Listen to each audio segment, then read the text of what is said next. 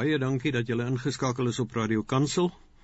And uh, we believe that this program So Send I You, so stuur ek julle, um, is one of the main tasks, if not the main task of the church on earth. And there are many churches who are discovering that and practicing that. And we are excited about that movement. And that's why I'd like to tell you a little bit uh, about our studio guest. He spoke last week, and um, he's Bryan Retief. His wife Debbie and he have been married for 30 years and they have three children. You heard last time that he was an electronic systems engineer before he, called, he accepted the call of God into full-time ministry in 1998. And then he was instrumental in pioneering the missions department of the Hatfield Christian Church, which is one of the biggest churches in Pretoria. He has been on staff at Hatfield for the past 23 years and is currently the missions team leader for Go Missions, overseeing the outward mission focused ministry of the church. He also serves on numerous mission boards. He has been to many countries involved in outreach and he has a desire to see the Church of Christ mobilized to bring nations to Christ and a passion to bring healing to hurting people in all nations. And I'm so thrilled, Bryan, that you are involved with the pastoral team, the the leadership of of such a big church, and um, I think on your behalf, I can say that people are welcome to push your button to um, to ask for guidance and to ask for advice on how they can mobilize their churches. Are you available for that? yeah, sure, I'm available, but I think I'm I'm more of a learner than a. I think the the field. I, I like to just get into discussions. You know, as I've chatted with you, just get into discussions, and it's just amazing how when one just prays together and just sits and talks about the things and, and we, you pick up I think the essence is picking up God's heart but you know you've been you've been in that uh, leadership team of Hatfield and you have been in many countries of the world, and in many countries where the churches and the Christians are few, and many countries where they are persecuted for the for their faith in Jesus. Correct. So, if you think of all these situations, can you can you call to mind um, a place where you saw the manifestation of what Paul was saying that um, he was he was saying to, to, Timothy, these things that you've learned from me and that you've seen demonstrated and heard, heard witnesses of, impart to trustworthy men who will be faithful to also share it with others. So that's Paul, that's Timothy, that's the faithful men, and that's the others. So there are, in that sense, we're not talking about age and about babies being born, but we're talking spiritually about generations. Can you remember any situation where you could see with your physical eyes um, the development uh, and, and your spiritual eyes of um, of such a continuity of um, that chain not being broken? Yes, I think most definitely. If I go, if I take especially the Muslim world, and you look at North Africa, um, certain countries. Um, I remember going uh, years ago. We we would take uh, teams up to some of the countries um, in North Africa. I think it'll be best not to mention the actual names, but it was North country, uh, uh um, Muslim countries in North Africa. Well, I remember there was probably around. Uh, I, I remember one country we went to. There was if there were 600 Christians that they knew of, it was a lot. Amongst millions of people? Correct. Um, another country, there was probably about 200 people. And uh, we would just go and do prayer walks. And uh, um, it was, sometimes you wondered, you, you're really doing much, you know, because you feel you've got to do something more. But we would just go in and just um, pray in the streets and pray in the in the villages, and we'd come home and then we'd hear stories of uh, of of um, converts of, of Muslims coming to Jesus, having dreams, and but to answer that question, I think to particularly there, I was fortunate. Uh, it was really a privilege to be involved with um, some people that were discipling um, these young believers. And I've seen how those young believers have become the leaders of the church, of the churches there.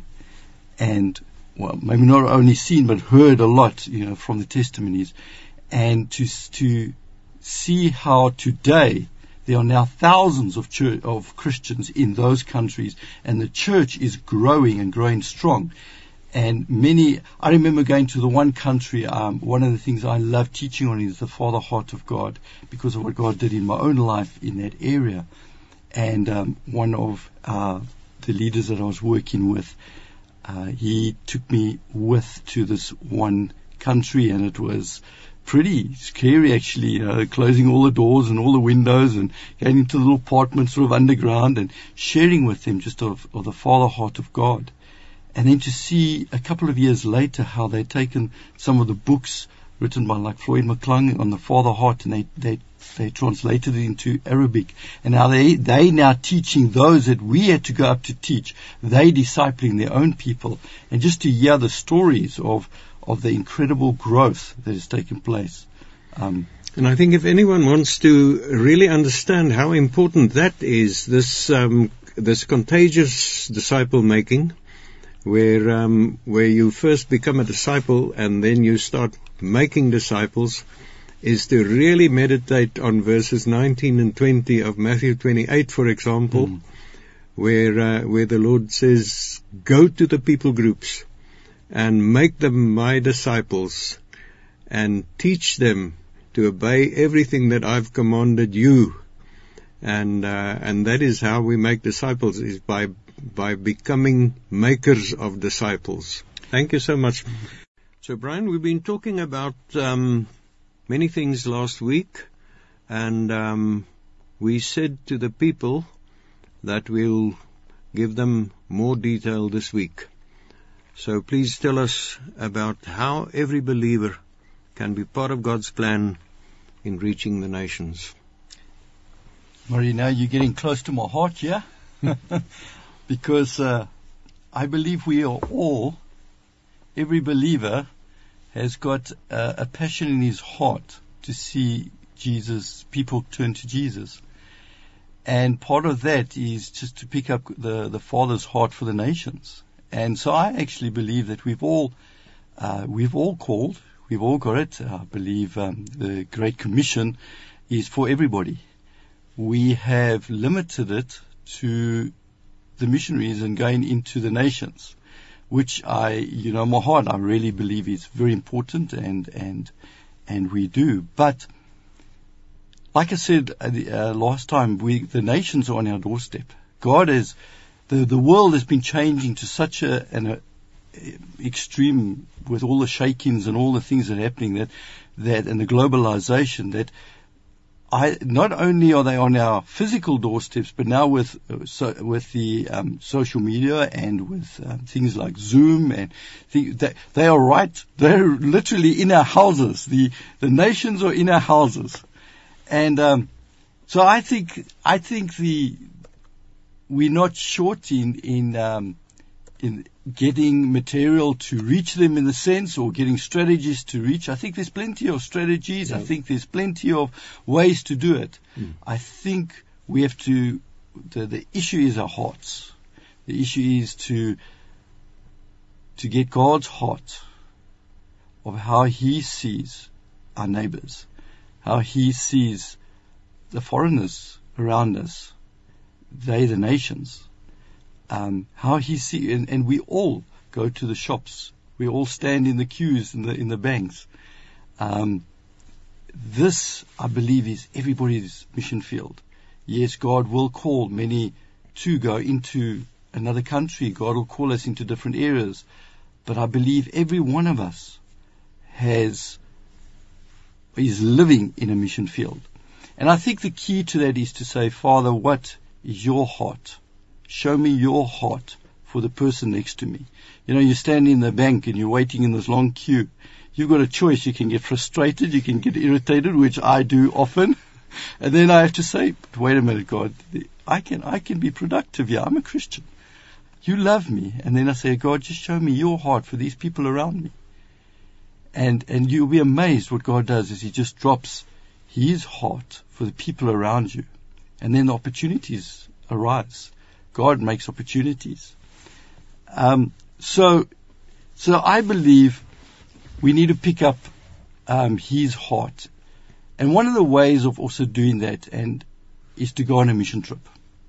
Because as soon as you go out of your comfort zone and you, you actually are put with people maybe of a different culture and you, you, you eat and you, you, you sleeping in that area and you, you just being there with them, something triggers in your heart and God touches you. We, we did that with our children. We took them on trips. Wow. And um, we were amazed that it, it wasn't teaching, it wasn't us putting them down and telling you, you, you know, you must love God, you must. They would come home from a mission trip and just say, "Wow, God did this and God did that." Yeah. Um, just, just to mention something, we, we, we often, one of the, the things that we do at home is we've always sat and, and had our meals together at, at a table. And we use that opportunity to talk to, to talk to our children and they talk to us. And, uh, a while back, our children said to us something very interesting. They, of course, they're all now out of the school and um, studying and in that age. But they said to us, uh, probably about two years ago, they said, you know, you, you guys, mommy and daddy, you're always talking about revivals that you've seen. You've, you've seen God move and the power of God and God heal people and all that. We don't always see all of these things. We, um, and it really just touched us, you know, because the young people today want, they want to see the reality. They want to see God move. They're hungry, and you see, they're hungry for it. The church is hungry for it. And, um, so we arranged a trip and we went off, we took them to Brazil because God is really moving in some areas in Brazil in, a, in an amazing way. Amen. And we'd been there the year before and we'd just seen the power of God. We'd seen um, churches just grow and uh, like I'm talking about they start with a few people and within three, four years they, they already thousands in membership and planted other churches and, and there's just really quite a revival there and, and specifically among the young people. And so we took our children with um, all, all, um, uh, and all three of them, and we, we took them with to, to Brazil Wonderful. for a week, and Wonderful. they saw the power of God. They were put in, in very awkward situations where they were standing in front of people and they had to pray for them for healing. and uh, they were quite scared, you know. Um, wow, and and how God came through and, and touched people's lives and and um, and coming back, uh, we've seen the, the the hunger and the radical change in their hearts. Um, now, okay, I'm talking about a very extreme case, but everybody, if you can just do one mission trip or ministry trip, if you can get involved, you go to and and and then yes, air tickets that are expensive, but you know what? When you God God will provide for you. You trust God, He'll provide. And so my encouragement is number one is just just get out there, take that step. You know, um, Matthew 28 says, "Go." There's, there's something in going. You've got to you've got to get out and go. Just And- two letters that can change the world. Yes, just just that. Um, so so that that is my number one. Is I've I've seen people's lives get people get so hungry, and you know what? You come back from a mission trip, and that doesn't mean that God's going to call you into into the world, but suddenly when you look at people, you see them different. And many of the people that we've taken on mission trips are the ones that get behind those the missionaries that are out there, and that pray for them and and care for them. And um, so that is my number one one thing is go out, get into a mission trip. Even if you start with a local little mission trip, but just go. You say, but I'm not, I'm shy and I can't talk. Well, you can stand and pray. you know, just you being there. Yeah. But when you see that, it changes your life. Amen. And the Lord Jesus sent them out two by two. So if we go prayer walking in our hometown, um, and we don't go alone, but we ask someone who, who, who was laid on our hearts by the Lord to come pray with us, then then they get immersed. Very good. And yes. then they see they see the miracles. Mhm. I once stood under a tree in our town, and I was alone, and um, I said, Lord, won't you please give me one person today uh, who knows very little about you, and who is hungry and thirsty for you, and um, and I opened my eyes and I went into the closest shop and I found a guy from one of the biggest uh, unevangelized people groups in the whole world. Mhm.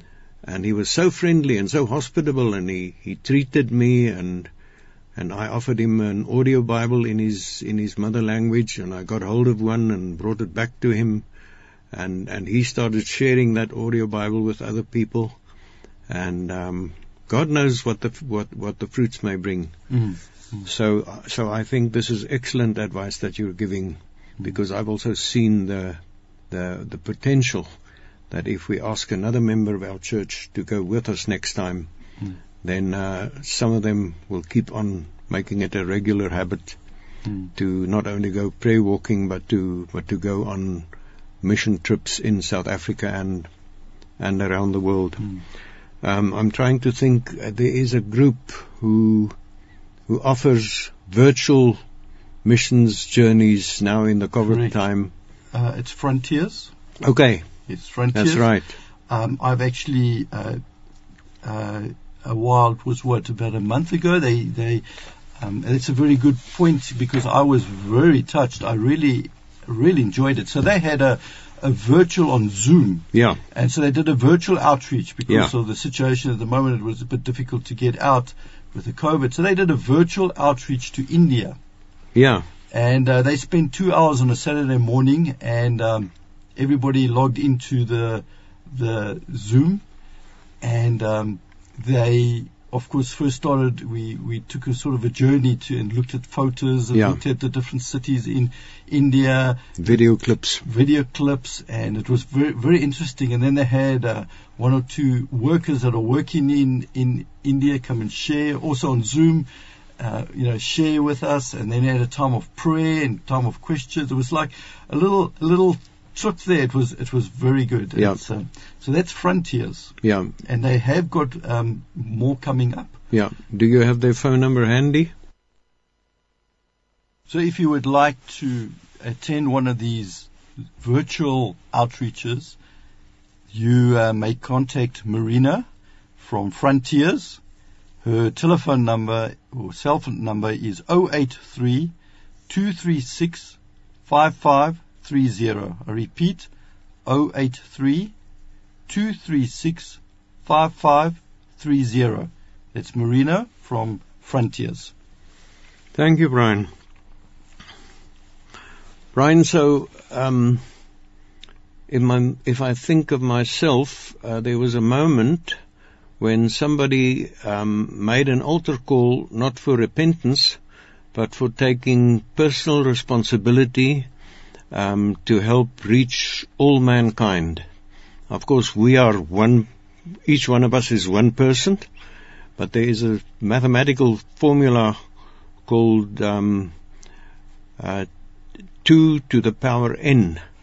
And uh, if you look at that, it's like the story of the chessboard where they put one grain of wheat on the first block and before they came to the 64th block, the uh, the the country didn't have enough wheat to meet to meet that um, result, Mm. and, and and and this dramatic growth is available to you and me and to every to every child of God to um, see for continuity in the disciple making process, so that if each one of us makes a disciple and that disciple discovers from reading in the Bible that he should make disciples, and and that chain is not broken, then um, within a pretty short time, you can have a situation where in a city of maybe a million people where there's no church visible, sometimes within three years, um, you can have a hundred indigenous churches planted by people of that language group in that city and uh, and led by people of that language group in that city. And then you have a church planting movement Mm. that starts how? With prayer. Mm. with prayer walking. With uh, training of of d- discovering and, and, and obeying the truth of the Bible. And it comes into church planting. I'd like to add to that one more thing is I think often, as I said before, and this has been my experience with, with the church over the years, is how we've, uh, we've, we sometimes feel God just wants a few people to do that. Um, but what about me back at home? What about me um, in my in my cell group in the church? And what I encourage, um, and I've done it in my own life, what I've encouraged people to do is is if, if, if, if you can just reach the one next to you with love. Um, I had a, I had a situation the other day that really just touched me. I, was in a, in a big shopping, um, mall and we were standing in a long queue and I literally was standing at my big, uh, basket of groceries there and I was standing probably about, and I'm not exaggerating, it was over half an hour in this queue and I was getting a little red under my collar there and my wife was saying, Shh, it's okay and I'm, I'm a, I'm a go-getter, I'm an impatient guy sometimes. And, um, just, just as we got to the, about to get to the till, I looked behind me and there was an oldish gentleman, um, standing on, but he was, he was holding onto his trolley and I looked down into his trolley and he, only had about four items in his trolley. And it was as if the Lord just said to me, what are you going to do? How are you going to show love? And you know, at that moment I'd been in that queue for half an hour. I said, Lord, really? and I, I felt just such a prompting and I turned to him and I said, sir, would you like to go in front of me? Um, I must say it sounds very, very good, kind in that, but my heart wasn't quite there, but I, I really felt the Lord just wanted me to show love. I had a trolley full that would take long. And as he, he said, oh, thank you so much. And as he went in front of me, I saw that he had a whole brace on his back. And he turned to me, he was nearly crying, and he said to me, thank you. This is killing me. And, and I just realized I could say, God bless you. Hmm. Just, just that kindness. And I believe that as we just start with a little bit of kindness, it opens up doors Amen. to talk to somebody about Jesus or to just love people. That is how we start Yeah. where we are back at home. Yeah. And that's my encouragement to all Amen. And we need to be uh, awake and aware of the fact that God gives us unexpected opportunities. Amen. Christine and I were walking in a park in Central Asia, and um, those people were speaking in Central Central Asian language.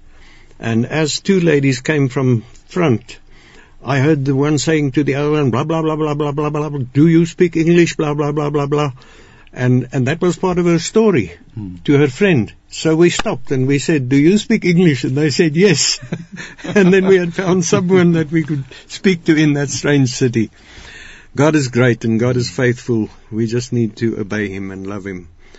Thank you, and uh, we we want to encourage all of you to take personal responsibility for helping to reach all mankind in Jesus' name. Amen. Bye.